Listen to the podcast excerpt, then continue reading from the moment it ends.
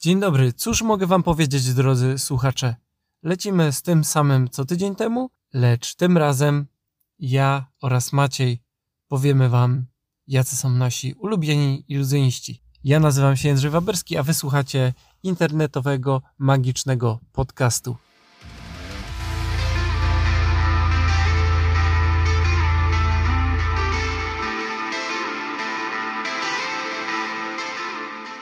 Dzień dobry drodzy słuchacze, witamy Was w kolejnym odcinku internetowego magicznego podcastu. W dzisiejszym epizodzie wita się z Wami Król Maciej oraz Jędrzej Waberski. Cześć! nadajemy prosto ze studia naszego hosta. Tak, tak, witajcie. Dzisiaj tak e, gościnnie zaprosiłem Macieja, by dołączył do mnie w studio e, i byłem bardzo rad, że zgodził się przyjąć me zaproszenie. Dziękuję Ci Macieju, że przyszedłeś. Nie ma sprawy, to była prawdziwa przyjemność, szczególnie, że masz ciasteczka. Ale to miało zostać między nami. Teraz Patryk będzie zły, że go nie zaprosiłem na ciasteczka. Ale dobra, mniejsza. Patryku, kiedyś tobie też kupię. W każdym razie, dzisiaj spotykam się z Maciejem, by kontynuować e, pewną serię, którą rozpoczęliśmy, a w zasadzie rozpoczęli ją Patryk z Jarosławem. Najbardziej osobistą serię w historii tego podcastu. Nasze prywatne, mroczne sekrety dotyczące naszych upodobań magicznych Te, które leżą na dnie naszych serc. e, w odmętach duszy. Tak, to, co nas kręci najbardziej na świecie. A w zasadzie kto nas, nas kręci? kręci. Także jak się może domyślacie, jest to, a chyba, że widzieliście już tytuł, no to wiadomo wszystko, e, jest to kontynuacja serii o ulubionych naszych iluzjonistach. I przygotowaliśmy dla Was kolejne sylwetki e, ludzi, którzy nas inspirują w naszej pracy, w, odcisnęli pewnego rodzaju, można powiedzieć, piętno. No i jakby za każdym razem, kiedy natykamy się na coś prezentowanego przez nich, e, no jesteśmy urzeczeni. Zafascynowani, zainspirowani, zachwyceni. Dobra, muszę otworzyć słownik synonimów. Chciałem powiedzieć, e, albo otworzyć słownik języka polskiego na Z. Co tam jeszcze? Za, mm, zaintrygowani. Zamroczeni, O, zamroczeni, zagubieni. zagubieni? Za... Zafascynowani było, nie? Kurczę.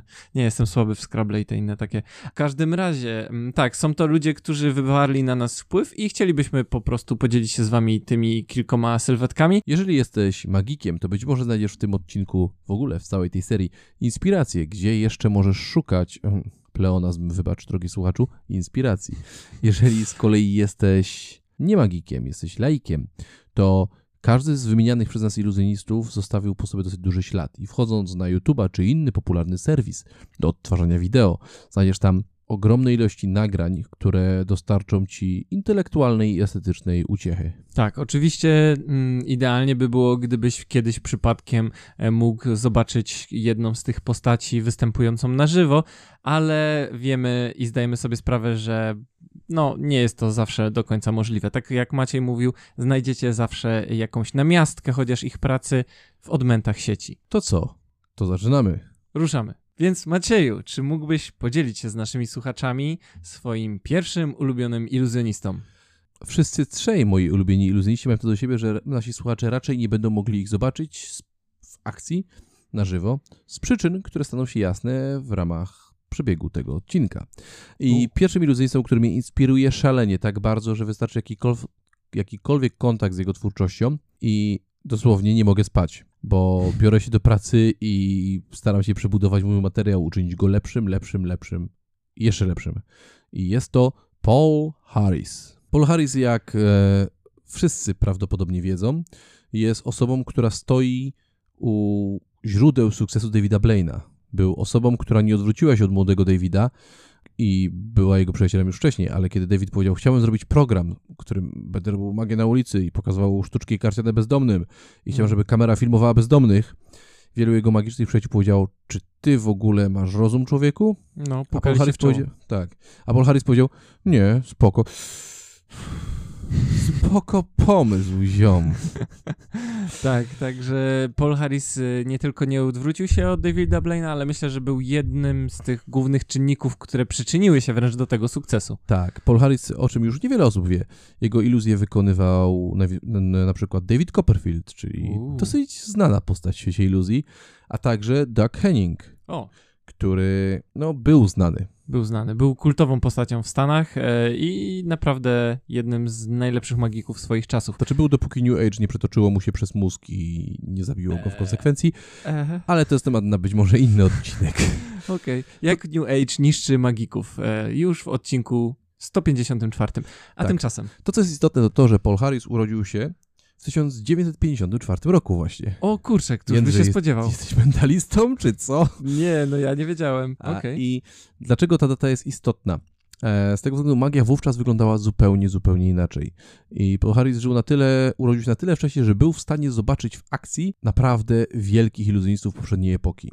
E, A jeżeli nawet nie był w stanie kogoś zobaczyć, to był w stanie porozmawiać z kimś, kto mógł widzieć iluzjonistów tych największych, tych, którzy byli u początków tworzenia magii takiej, jaką ją znamy. I to tworzenie magii takiej, jaką znamy, właśnie opiera się w dużej mierze na Paulu Harrisie, bo efekty, które on wymyślał, on zaraz opowiem wam o nowatorskich, Aha. ale efekty, które wymyślał, nawet takie typowe, generyczne, że tak powiem, czyli e, jego wersje ujęć klasycznych efektów magicznych są fantastyczne. Pomijając fakt, że duża część jego efektów jest obłąkana E, i wymaga szaleństwa, żeby w ogóle chcieć je wykonywać. Chciałem powiedzieć, że kiedy Maciej przedstawił mi w ogóle sylwetkę Paula Harrisa e, i zapoznał mnie z jakimiś jego kilkoma pomysłami, to po, to po zaznajomieniu się z dwoma, czy nawet trzema z nich, to złapałem się za głowę i w ogóle zastanawiałem się, co to za facet, w sensie, co on ma w głowie. Tak, ale te pomysły, które mówię Jędrzejowi, te pomysły, które wykorzystuje w swojej własnej pracy, są pomysłami w miarę takimi typowymi dla magików. To, co jest nietypowe, to to, że za czasów Paula Harrisa magia wyglądała troszeczkę inaczej. Mhm. I kiedy on wydawał swoją książeczkę Close Up Kinda Guy, Ciekawy tytuł. e, to wielu konceptów magicznych w ogóle nie było. I Paul Harris patrzył na zwykłe przedmioty, zwykłe dla magików, na przykład Mhm. karty, i myślał, co można zrobić z nimi coś, czego jeszcze nigdy, nigdy nie zrobił. I tak na przykład Paul Harris wymyślił łączenie kart. Wymyślił, że jeżeli wydrzesz z kart środki, Mhm. to powstaną tak jakby pierścienie. Mhm. I wymyślił sposoby na to, w jaki sposób połączyć dwa zamknięte krążki Wody. Mhm. i połączyć na stałe i dać je widzowi. I wymyślił na to chyba z pięć czy sześć różnych metod, takich zupełnie odjechanych I w- i w jego książkach ten rozdział zajmuje tam jakieś 120 stron. Aha. Na to, jak łączyć różne karty, Karty. ramki z kartek. Tak Okej. samo Paul Harris wymyślił koncept, który dzisiaj wydaje nam się zupełnie oczywisty, taki, że nie wymagający wy, wy, wymyślenia w ogóle, że bierzesz lustro, kładziesz lustro przed przedmiotem i ten przedmiot odbija się w lustrze, ale kiedy zdejmiesz z lustro, to za lustrem jest drugi taki sam przedmiot. I on na początku robił to na monetach, potem robił to na kartach, potem wydał efekt Twilight Angels, który Mhm. do Magicy dzisiaj... znają i lubią. Tak. I a co wymyślił z taki koncept, że jeżeli włożysz kartę w talię, z jednej strony wsuniesz, ona się wysuwa w stali pod zupełnie innym kątem, zaprzeczając prawom fizyki, tak jakby talia kart była jakimś portalem. Tak. Paul Harris jest geniuszem. Mhm. I serdecznie zachęcam cię, słuchaczu, do wpisania sobie nazwiska Paula Harrisa, zresztą będzie pewnie w opisie, e, i zobaczenia na YouTubie kilku jego wykonań, jego efektów. Jego styl prezentowania magii, taki bardzo Właśnie- nietypowy. Chciałem pytać, jakbyś go określił, bo ciężko to ubrać słowa. Jako kogoś, kto gdyby występował tak w dzisiejszych czasach, to dosyć szybko zostałby usunięty z internetu Aha. i telewizji i miałby masę pozwów, ale oglądanie tego sprawia autentyczną przyjemność i czystą radość. I widać tą pasję w nim. I tak zamykając temat Paula Harrisa, który inspiruje mnie niesamowicie, e, dobrze jest powiedzieć o tym, że on wycofał się z magii. I To, dlaczego? to, to jest dość ciekawe, bo zazwyczaj magicy do końca życia, że tak powiem, wykonują swoje pokazy, a Paul Harris, właśnie może tutaj też warto wspomnieć, że e, on po takim okresie intensywnego występowania e, troszeczkę powoli się tak usuwał w ten cień, zostając tylko tym konsultantem. Tak. Może, może ty byś przybliżył, jak to wyglądało. Znaczy, bardzo ciekawe jest to, dlaczego przestał występować. o, Nie wiem, czy w ogóle znasz tą historię. Nie wiem, nie wiem. Bo Paul Harris jest geniuszem, No a tak. każdy geniusz jest szaleńcem. I Mhm. on jest prawdziwym szaleńcem. Mhm. I Paul Harris gdzieś tam w jednym z wywiadów powiedział, że on starał się psuć swoje pokazy. Zastanawiał się, jak bardzo może zepsuć pokaz, Mhm. a ludzie dalej będą przeżywali magię i będą go kochali. Wow. I nie mówię tutaj o psuciu e, efektów, mówię Mhm. o nierobieniu w ogóle żadnych efektów, mówię o oblewaniu widzów wodą i robieniu innych naprawdę złych rzeczy, po których jego klienci po prostu nie chcieli z nim już pracować, albo właśnie chcieli. I on bał się, do którego momentu może doprowadzić, co podpali wszystkich widzów benzyną. I on stwierdził, no występowanie zwykłe nie sprawia mu już przyjemności, nie jest dla niego żadnym wyzwaniem, dlatego zamknął się w lesie, gdzie swoją drogą żyje w tym lesie, w tej swojej chatce Mhm. do dzisiaj. I konsult... nawet Davida Blaina już mało konsultuje. Chociaż kto wie, jakie tam mają kontakty, Tak, ale dokładnie. mógłbym go nazwać chyba takim współczesnym pustelnikiem. Tak, on został pustelnikiem i co ciekawe, my, wydając nasz magazyn IMP, dzięki wsparciu, któremu słuchasz tego podcastu, więc pamiętaj, żeby podziękować patronom podcastu IMP, bo to jest prezent od nich i od nas. Dzięki, Dla ciebie. patroni. Dzięki patroni. Napisaliśmy do Paula Harrisa maila i on odczytał tego maila w tym swoim lesie. To, czyli ma tam internet. Tak. Czy to jest taki, to taki Taki, taki jakiś kłamliwy las, no. tak. no. I powiedział, że on już nie robi magii, on się już nie zajmuje magią, ale życzy nam wszystkiego dobrego i wysłał Tak. nam uśmiechniętą emotikonkę. Tak, napisał nam takie szczere słowa wsparcia i to było naprawdę miłe. Bo, aha, i pytał nawet potem, y, z tego co pamiętam, e, o to, gdzie może znaleźć nasz magazyn i go przeczytać.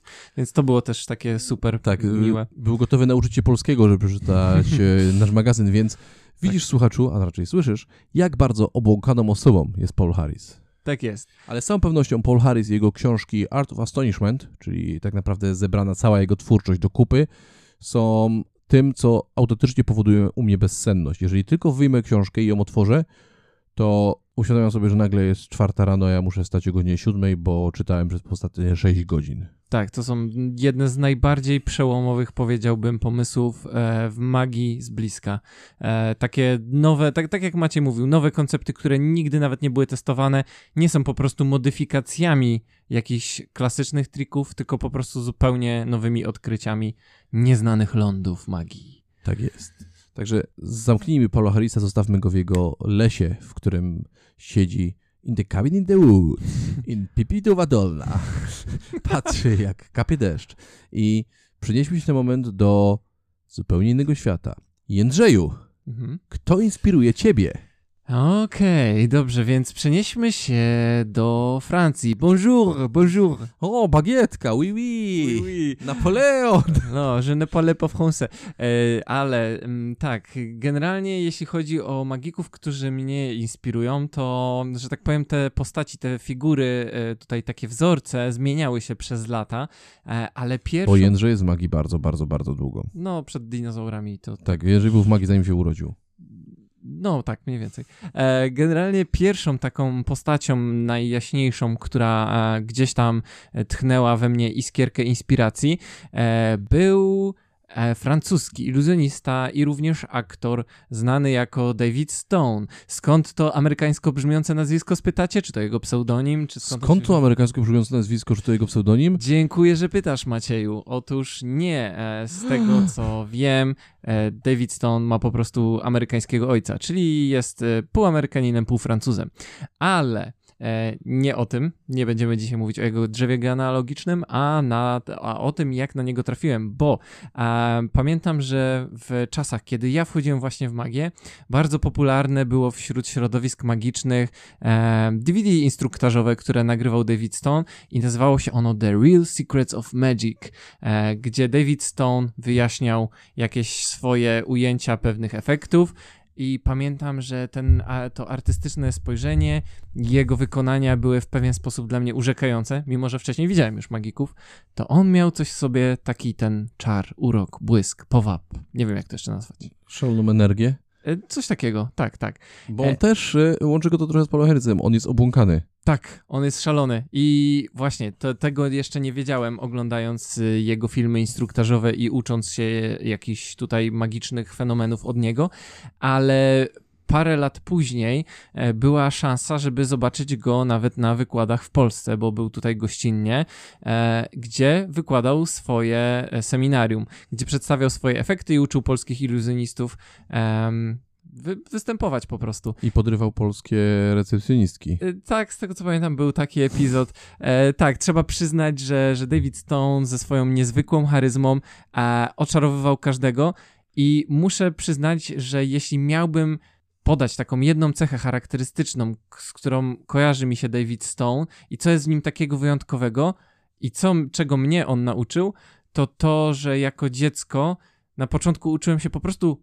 w cudzysłów, sztuczek magicznych i pokazywałem je innym i wszyscy mówili wow, wow. A David Stone i jego podejście, jego sposób prezentacji tego wszystkiego nauczył mnie, że magia może być fascynująca, ale może być też rozrywką i on pokazał mi, jak bawić się razem ze swoją publicznością, jak angażować się w interakcje i jak oddawać się tej chwili, która dzieje się obecnie.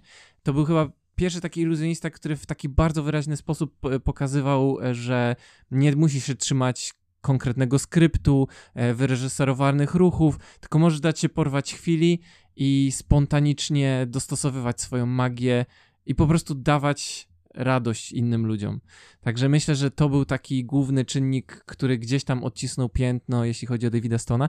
Ciekawostka, że David Stone e, wygrał kilka różnych e, magicznych nagród, tak typowo dla iluzjonistów, bo wiecie, wspominaliśmy już kilkukrotnie w podcaście, że są różne zawody dla magików, takie troszeczkę olimpijskie igrzyska. I nie mówisz tutaj o tych zawodach dla magików, czyli tym, co czują rodzice magika, kiedy patrzą na swoje dziecko, zawód. A to ten zawód jest jednorazowy, a potem są jeszcze inne zawody, ale już takie fajniejsze.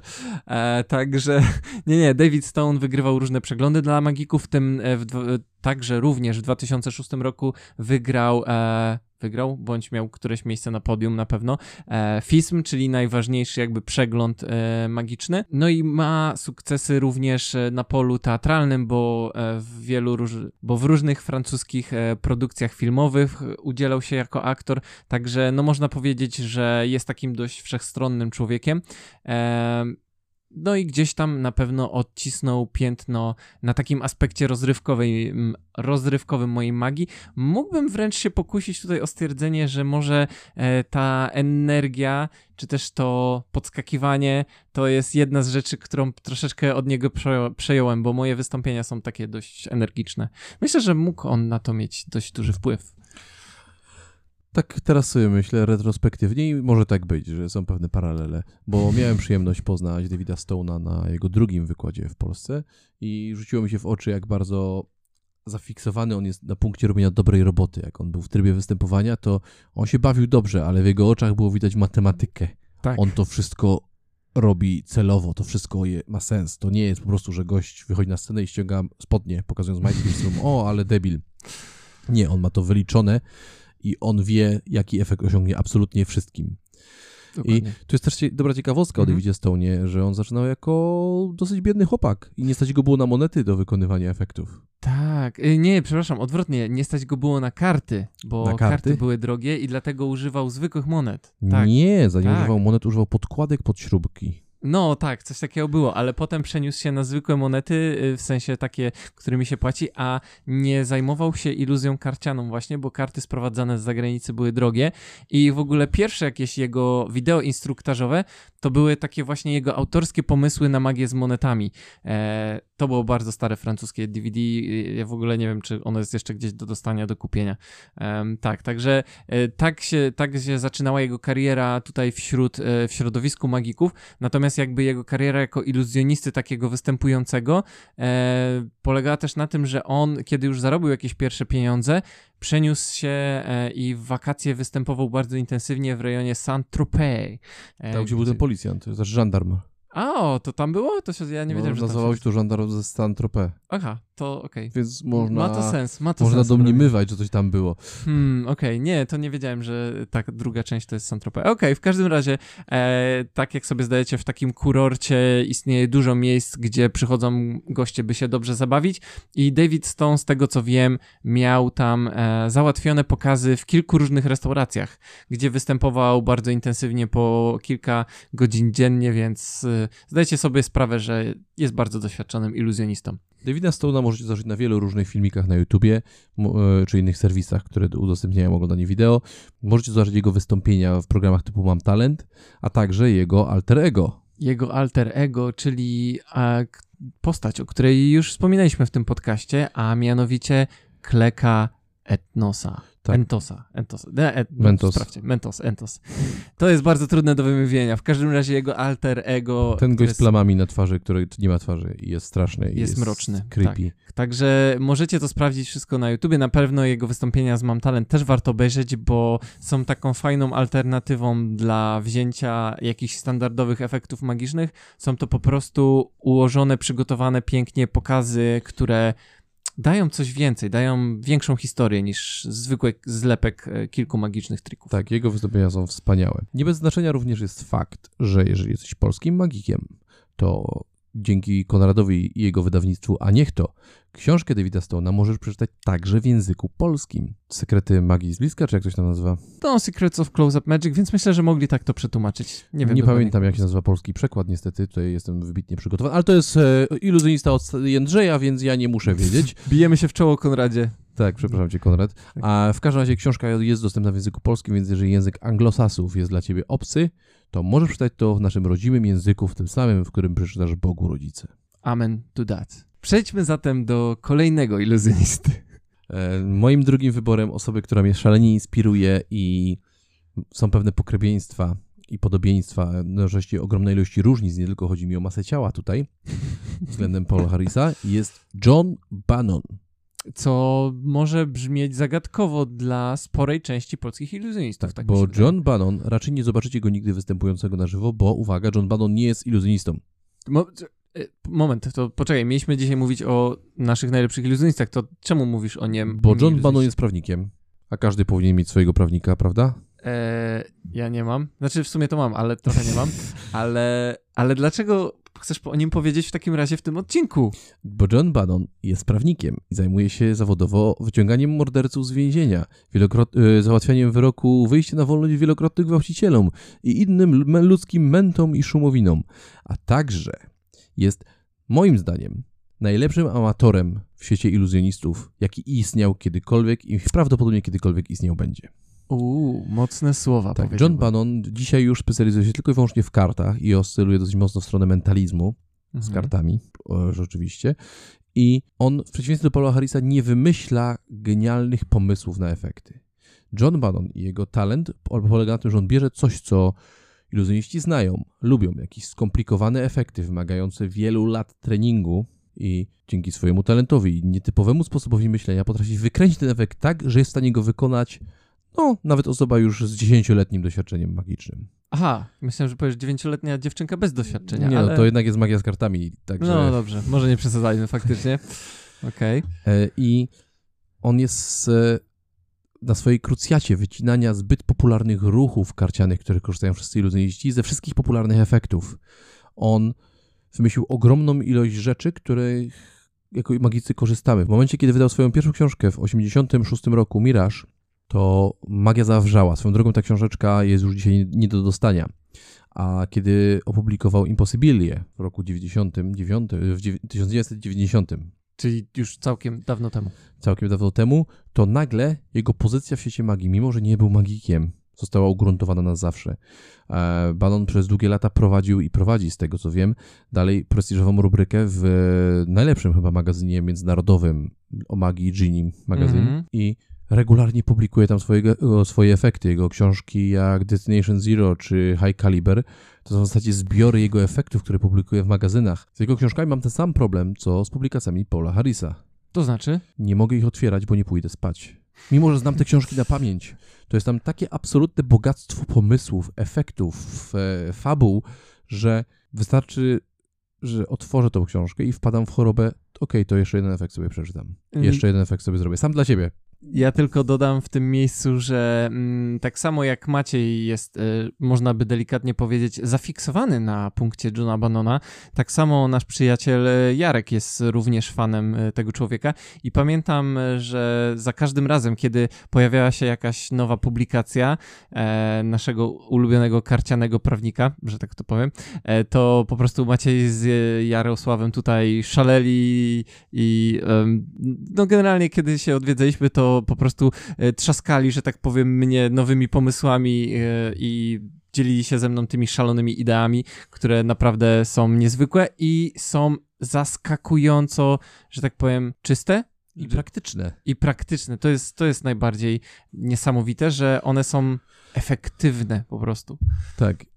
I jeżeli jesteś iluzjonistą i nie znasz materiału Johna Banona, to wstydź się. I prawdopodobnie, mimo że wydaje ci się, że nie znasz materiału Johna Banona, na pewno go znasz. Niedawno robiliśmy małe spotkanie, bo robimy takie malutkie spotkanie dla przyjaciół Padronów Impa nie jest duże spotkanie, tylko takie małe, gdzie siadamy, pijemy tam jakieś piwko i w ogóle rozmawiamy. Jeden z początkujących iluzjonistów pokazał mi efekt, którego druga faza była efektem Johna Bannona. O, to I on ciekawe. nawet nie wiedział, że to jest efekt Johna Bannona. Po prostu gdzieś tam e, ktoś, go, ktoś mu to pokazał, ktoś go nauczył, tam przeszło z jednych rąk do drugich i To już żyje własnym życiem. tak, trochę. to żyje własnym życiem, ale to był John Bannon. On się Mm. czai absolutnie wszędzie. Jego wpływ na magię karcianą jest nie do przecenienia. Niepodważalny, zdecydowanie. Dokładnie tak. Także jeżeli jesteś laikiem, serdecznie polecam Ci wpisanie sobie na jakikolwiek serwis streamingowy, taki jak YouTube, czy też do oglądania wideo, e, nazwiska John Bannon i zobaczenia jednego, dwóch, trzech lub czterech jego efektów. Jego prezentacje są dosyć suche. Właśnie chci- chciałem powiedzieć, że jeśli zobaczycie go na YouTubie, może faktycznie nie widać po nim e, takiego, e, nie wiem, z takiej smykałki wykonawcy, e, bo faktycznie nie jest on performerem, ale jest niesamowitym myślicielem i zdecydowanie warto chociaż sprawdzić chociażby jedną rzecz. Tak. John Bannon jest z całą pewnością jednym z trzech moich ulubionych iluzjonistów. Okej, Jędrzeju, kto jest twoim numerem dwa? Dwa, Numer- dwa, dwa. Dwa, dwa, dwa, dwa. 2, 2, 2, 2, numerem 2. E, kiedy skończyła się u mnie zajawka, że tak powiem, Davidem Stone'em, znaczy sk- skończyła, nigdy nie skończyła, bo nadal go troszeczkę śledzę, ale powiedzmy troszeczkę z mniejszym entuzjazmem, zacząłem e, trafiać w dziwne obszary, gdzie niekoniecznie kryje się iluzja, gdzie ludzie twierdzą, że umieją czytać myśli, przewidywać przyszłość, a nawet manipulować kimś.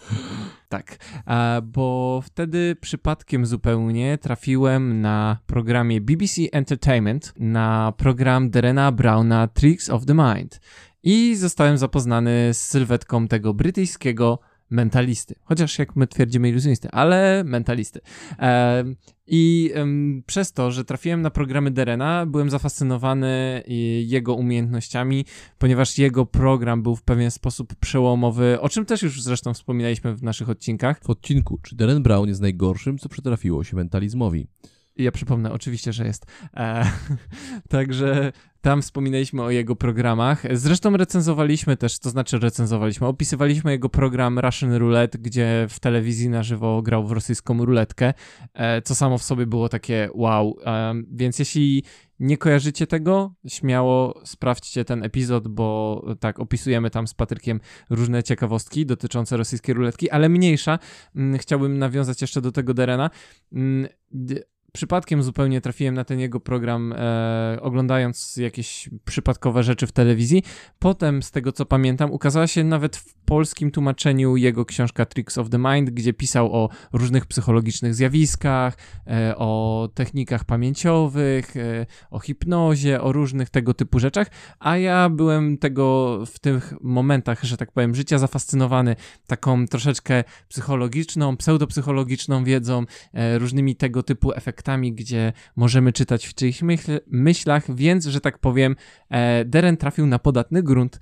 I e, no byłem zafascynowany tym człowiekiem i śledziłem wszystko, co w zasadzie robił. Aż do tego stopnia, że w 2015 roku e, wraz e, z polskimi mentalistami Radosławem Grzanką oraz Maciejem Jasińskim wybraliśmy się na show na żywo Derena, bo e, Deren jakby co dwa lata wypuszcza swoje nowe show teatralne, występuje w teatrze przez 2,5 godziny, co jest w ogóle samo w sobie dla mnie e, niesamowite i wybraliśmy się do Londynu na jego show Miracle, które jest w sumie jego ostatnim takim show na gry. A nie, przepraszam, teraz już gra showmana, ale to było jego ostatnie show przed pandemią. E, I byliśmy na jego pokazie na żywo. I no, muszę przyznać, że widziałem różne rzeczy w życiu i widziałem już wcześniej iluzjonistów na żywo, ale to, co on robi na scenie, to jest po prostu niesamowite. Bo jedno, że ma program w telewizji, gdzie wiecie, jakby kamery, kąty, podstawieni ludzie, mogą się dziać różne rzeczy. Natomiast kiedy człowiek występuje na żywo, przez 2,5 godziny prowadzi pokaz na scenie, jest w stanie zaangażować całą publiczność i pokazywać niesamowite rzeczy, że po prostu a, mm, mm, brak słów, zapiera dech w piersiach.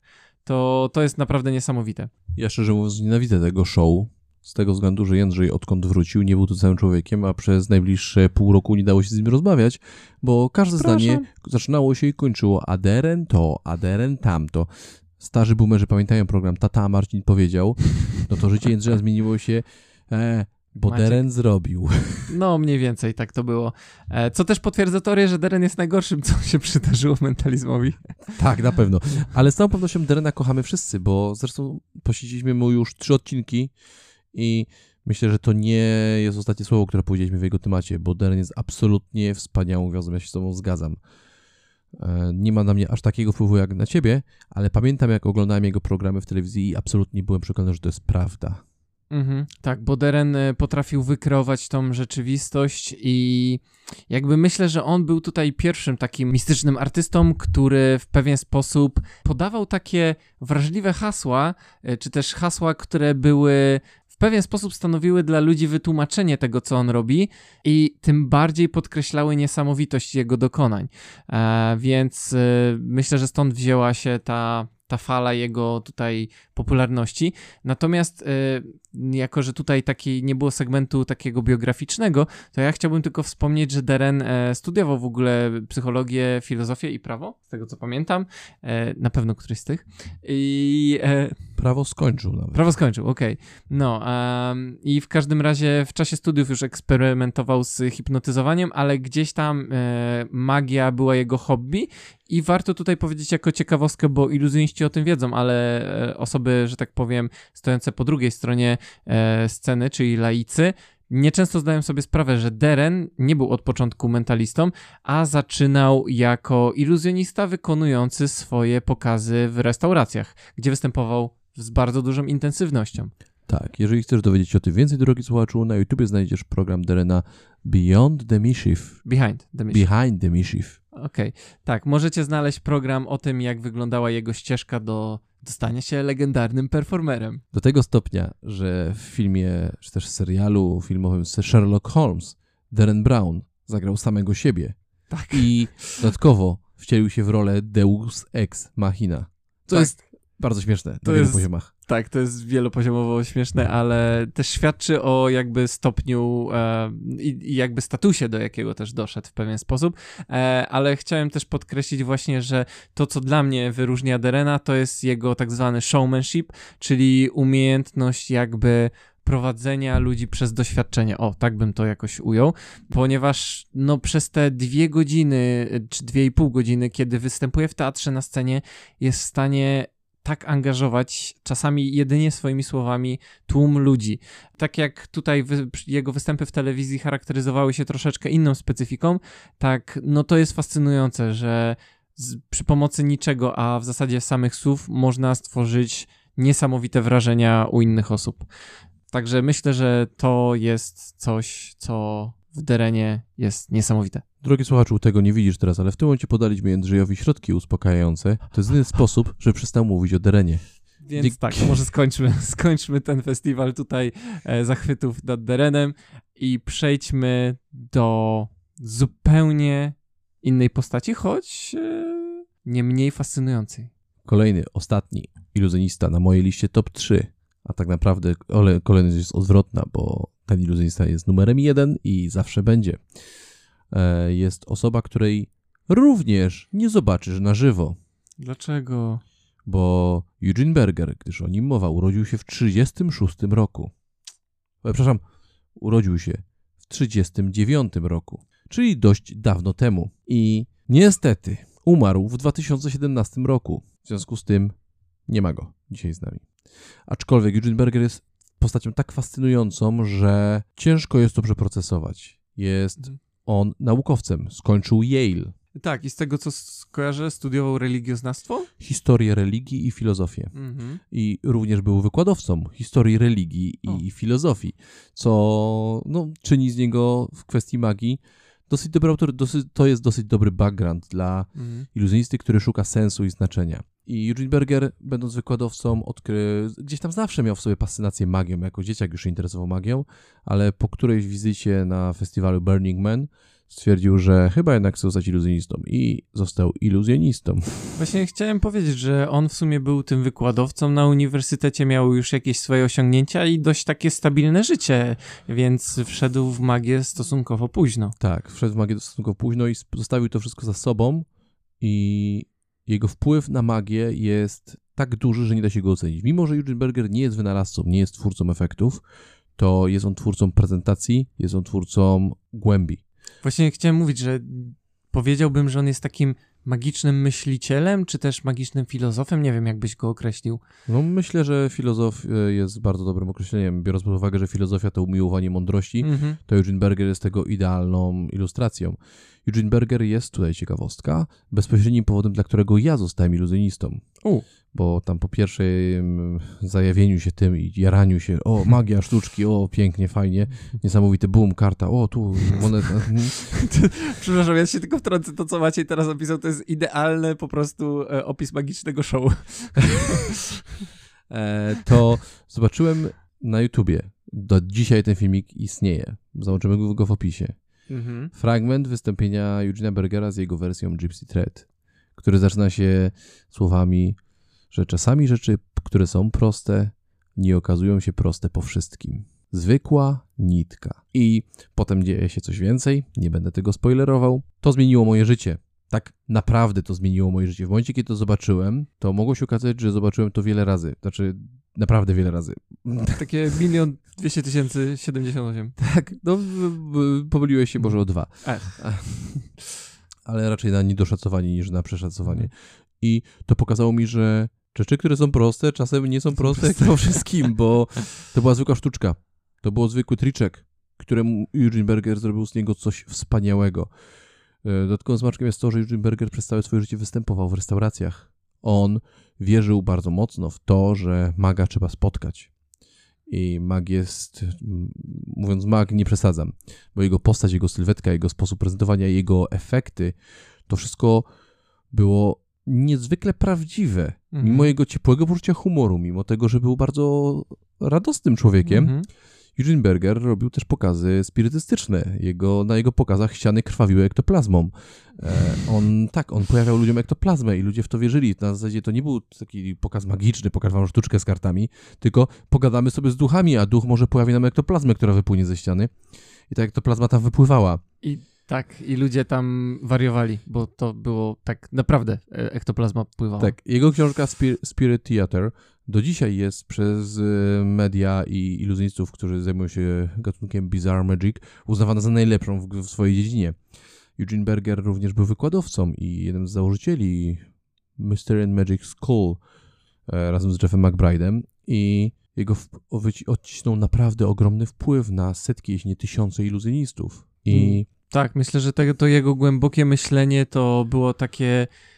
Nie, po, nie powiedziałbym, e, znaczy, no, oczywiście, że było nowatorskie, ale nie było takie przewojowe, nie było takim e, powabnym czymś, co e, przyciągało może młodych magików, ale tych, którzy w magii już spędzili jakąś ilość czasu, którzy już sami poświęcili jej ileś godzin, to były te osoby, do których jego treści docierały i którzy doceniali jego głębokie myśli poświęcone magii. to było najlepsze zdanie w historii tego podcastu. Chyba ty. E, Zresztą o Eugene Bergerze mógłbym mówić długo, ale nie ma sensu. E, Powiem wam jeszcze tylko jedną małą historyjkę o nim. Miałem przyjemność poznać pana Eugene'a na żywo, zobaczyć jego występ zarówno z bliska, jak i z daleka. I to było wspaniałe, poruszające doświadczenie. Tym bardziej, że to było rok przed jego śmiercią. Eugene wiedział, że umiera, bo umierał na raka. Więc Mm. co zrobił iluzjonista Eugene Berger, umierając na raka? Przyjechał po raz ostatni na największą konwencję magików do Blackpool, z której urwał się dzień wcześniej, bo O. musiał wracać w środę do swojej restauracji. Więc wracał z Anglii do Ameryki, bo mówił. I to, było, to, było, to Mhm. była jedna z lekcji, którą udzielił, ja wziąłem ją bardzo osobiście. Powiedział, że przez 25 lat nigdy nie pominął dnia występu w swojej restauracji.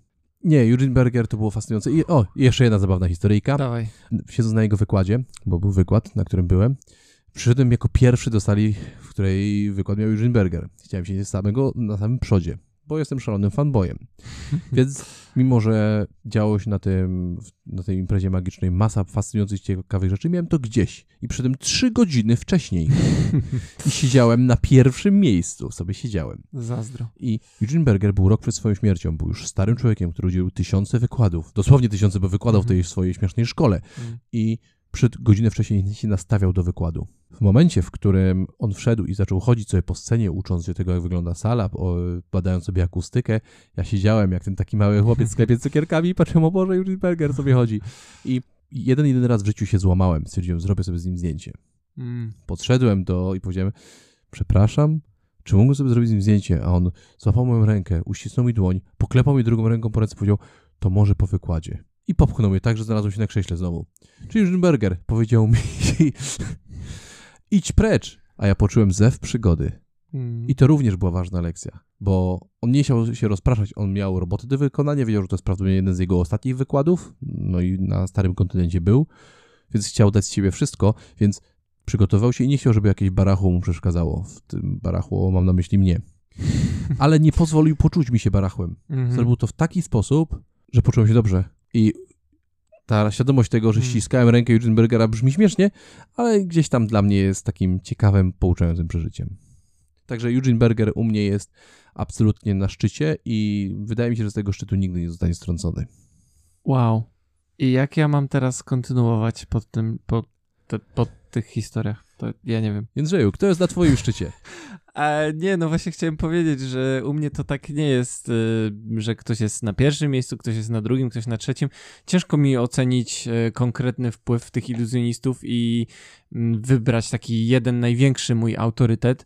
Każdy z tych, y, każdy z tych artystów e, w jakimś stopniu odcisnął swoje piętno. Nie jestem w stanie stwierdzić, kto w największym e, i myślę, że na takie przeżycie, które ty miałeś na przykład z, z panem Bergerem, to nadal czekam. W sensie mam nadzieję, że jeszcze kiedyś spotkam jakiegoś iluzjonistę, który dotknie mnie tak głęboko i da mi jakieś ważne życiowe lekcje, e, bo to są postacie, którymi ja się inspiruję, z których e, staram się, z, któ- z których doświadczenia i wiedzy staram się czerpać, ale żaden chyba nie odcisnął jeszcze aż tak wielkiego piętna jak na tobie e, pan Berger. No zresztą, no, znaczy ja jestem strasznym fanboyem, ja- No. ja tego nie ukrywam. Ja co, w każdej rozmowie o magii pojawia się jego nazwisko.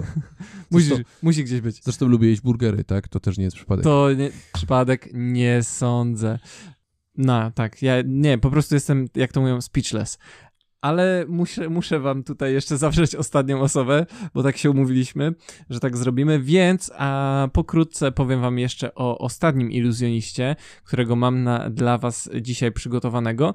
E, jest to, można powiedzieć, takie płynne przejście od Derena Browna, bo jest to troszeczkę młodszy iluzjonista, na którego pracę trafiłem po raz pierwszy 6-7 lat temu może, widząc w internetowym e, jakimś serwisie jego wykonanie klasycznego triku karcianego, który nazywa się Any Card at Any Number, czyli dowolna karta na dowolnej pozycji. E, jest to trik, który, mm, czy też efekt magiczny, który jest, e, powiedziałbym tak, dla magików jest on bardziej fascynujący często niż dla osób postronnych, e, natomiast dobrze zaprezentowany potrafi rozbroić i rozłożyć na łopatki każdego. Niestety często jest bardzo źle prezentowany, bo sam pomysł na fabułę efektu jest dosyć banalny. No, karta, której myśli widz, jest na pozycji, której myśli widz. I to dlaczego to jest fascynujące dla magików, to z tego względu, że istnieje dosłownie pierdyliard metod na osiągnięcie tego efektu. Tak, bardzo delikatnie mówiąc, jest bardzo dużo sposobów na to, jak osiągnąć ten fenomen. I no, jeśli zastanowimy się nad samym tym zjawiskiem, to to, że jedna karta jest na jakiejś konkretnej pozycji, to jest po prostu szansa jak 1 do 52, czyli więcej niż 1%. Co nie jest e, generalnie magią, bo nie jest czymś niemożliwym, a jedynie niesamowitym. E, ale żeby tutaj się za bardzo nie rozwijać, jego wersja tego efektu po prostu rozłożyła mnie na łopatki i zacząłem e, szybko przyglądać się jego twórczości. A o kim właściwie mowa? No właśnie, o kim właściwie mowa? Mowa o izraelskim iluzjoniście slash mentaliście e, Azim Windzie. Tak, bo Az Wind, mimo że jest postrzegany jako iluzjonista, sam e, reklamuje się jako mentalista, e, czyli właśnie osoba czytająca w myślach. Aczkolwiek jego twórczość e, powiedziałbym, że to są raczej efekty magiczne. Myślę, że on okazyjnie stara się jakoś łączyć te dwie dziedziny, wplatając y, demonstracje czytania w myślach pomiędzy efekty stricte magiczne e, i robi to w dość ciekawy sposób, e, blendując te dwie dziedziny. Mm. I no tak, jego, jego twórczość jest dość fascynująca, ponieważ on e, swoje efekty, jego jakby tutaj pracę, to w większości też jakieś klasyczne pomysły, ale z takimi nowatorskimi hmm, jakby to nazwać, twistami, e, z nowatorskimi, intrygującymi szczególikami, które on dodaje, e, więc jakby same zjawiska są znane od wielu, wielu lat, ale sposób, w jaki on je podaje, jest niesamowicie świeży.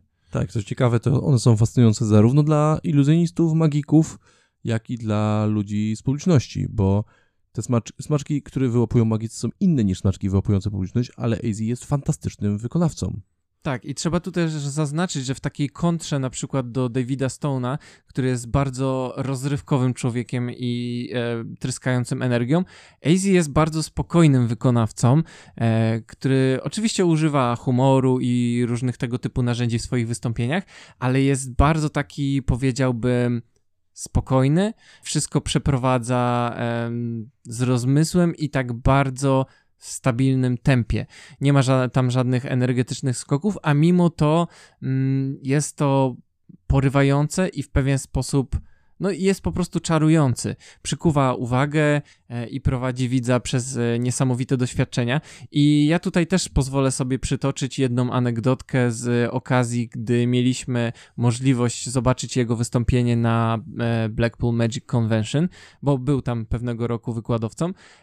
Pamiętam, że wykonywał tam efekt, gdzie pożyczał od widza banknot i ten banknot w jakiś niesamowity sposób znikał i pojawiał się pod zegarkiem widza. I pamiętam, że to było fascynujące i to miało prawo zagrać tylko w tamtych warunkach, ponieważ y, przystąpił chwilę później do wyjaśnienia tego efektu, gdzie mówił po kolei, co robi, gdzie wkłada banknot i w jaki sposób po pojawia się on pod tym zegarkiem widza. I kiedy widz wyjął już ten banknot spod swojego zegarka, gdzie po prostu cała sala iluzjonistów umarła na miejscu z, nie, z niesamowitego wrażenia, AZ wziął jeszcze raz ten banknot i ten banknot ponownie zniknął. I hmm, guess what? Zgadnijcie, co się stało dalej. E, ten banknot ponownie był pod tym zegarkiem. I cała sala wypełniona magikami umarła po raz drugi. To było jedno z najbardziej niesamowitych przeżyć i tak jak wspomniałem, no ma sens jedynie e, na magicznej konwencji, gdzie no ktoś już wyjaśnia swoje efekty, e, ale było po prostu takim ciosem prosto w twarz. Tak. tak było, potwierdzam. Tak było, nie, nie zmyśla. Nie kłamie. E, ja uważam, tutaj pozwolę sobie na krotochwilę, mhm. że AZ Wind nie powinien się nazywać Wind. Powinien nazywać się AZ Fine Breeze gdyż mm. jego sposób występowania nie jest energiczny, porywający jak wiatr. On występuje jak taki delikatny, delikatny, muskający się wietrzyk. On jest ekstremalnie lekki, ekstremalnie delikatny, a jednocześnie jest w tym teatr.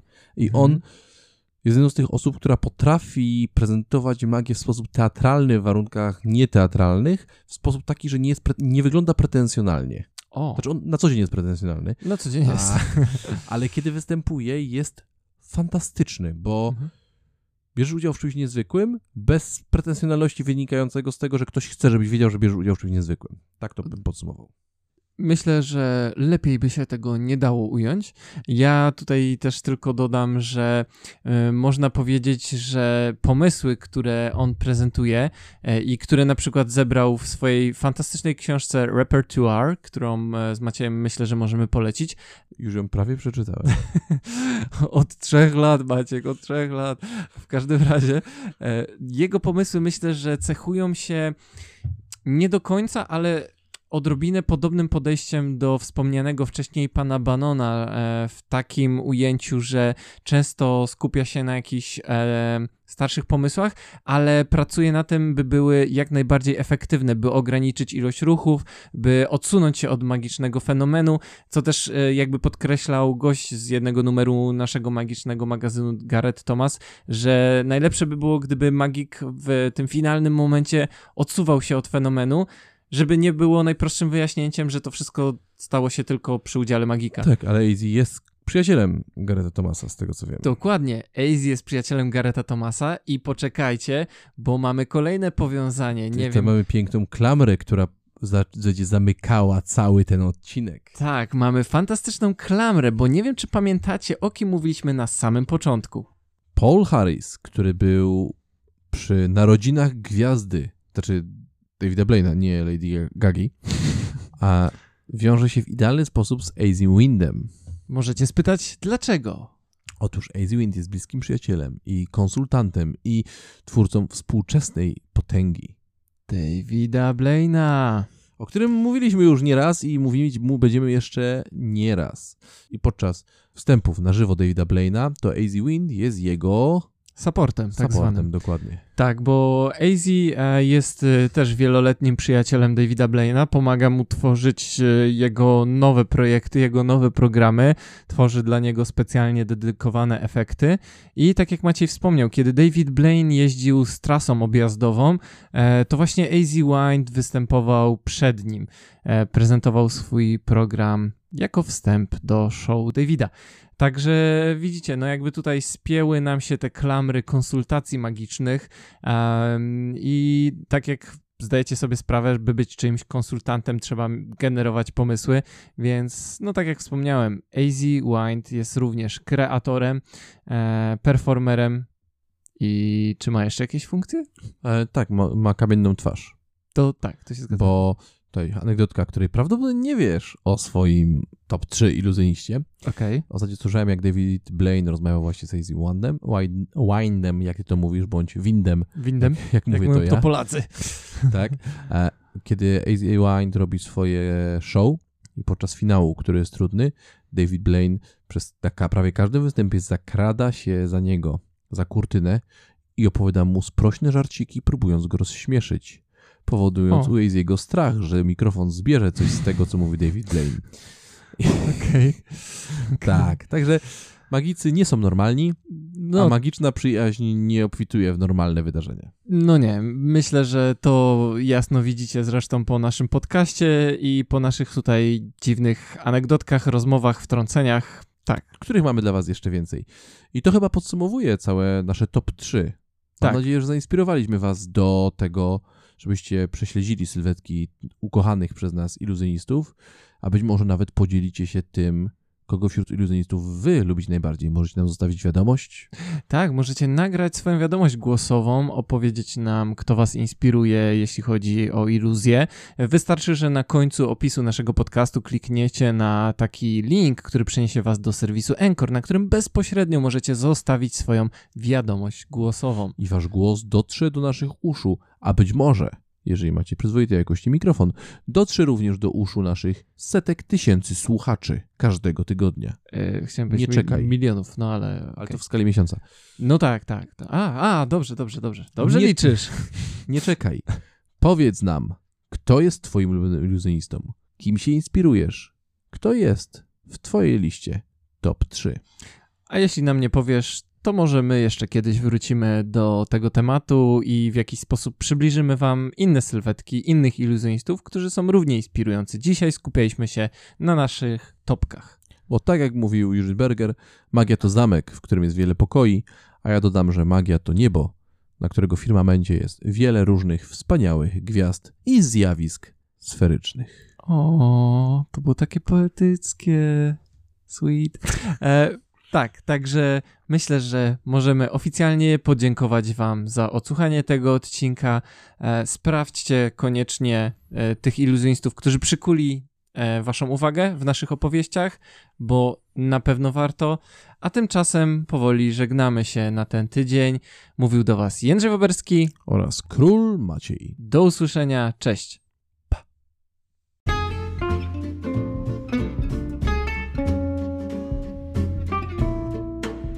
Dziękuję pięknie za przesłuchanie tego odcinka. Tak jak ostatnio znajdziecie w opisie na samym dole linki do jakichś takich małych próbek tego, co dani iluzjoniści robią. E, Także jeśli któraś historia tutaj przykuła Waszą szczególną uwagę, możecie sobie zerknąć na e, profil danego czarodzieja i zobaczyć, z kim tak naprawdę macie do czynienia. Chciałbym też przypomnieć, że podcast ten jest naszym podziękowaniem dla patronów projektu IMP. Jeśli nie wiecie, czym jest IMP, zapraszamy na nasz Patronite. Yy, Po wejściu na serwis wpiszcie Teatr Złudzeń, znajdziecie tam nasz projekt i możecie przeczytać z czym, co się wiąże i jak nas można wesprzeć. Jeśli nie jesteście magikami, to wystarczy, że podacie ten podcast komuś dalej, by mógł sobie posłuchać naszych śmiesznych, dziwnych rzeczy o których tutaj gadamy. I mamy nadzieję, że komuś się podobają. No, także, także fajnie, fajnie by było z waszej strony. A póki co dziękuję serdeczne za dotychczasowe już wsparcie i słyszymy się już za tydzień. Cześć! Dzień dobry Państwu, nazywam się Król Maciej myślę, że jest ok, nie? Co sąd- sądzisz? Tak, dzień dobry, tu Jędrzej Waberski i myślę, że jest super. Wyłączyłeś już? Jeszcze nie, A teraz? jeszcze nie, poczekaj, bo tu muszę kliknąć.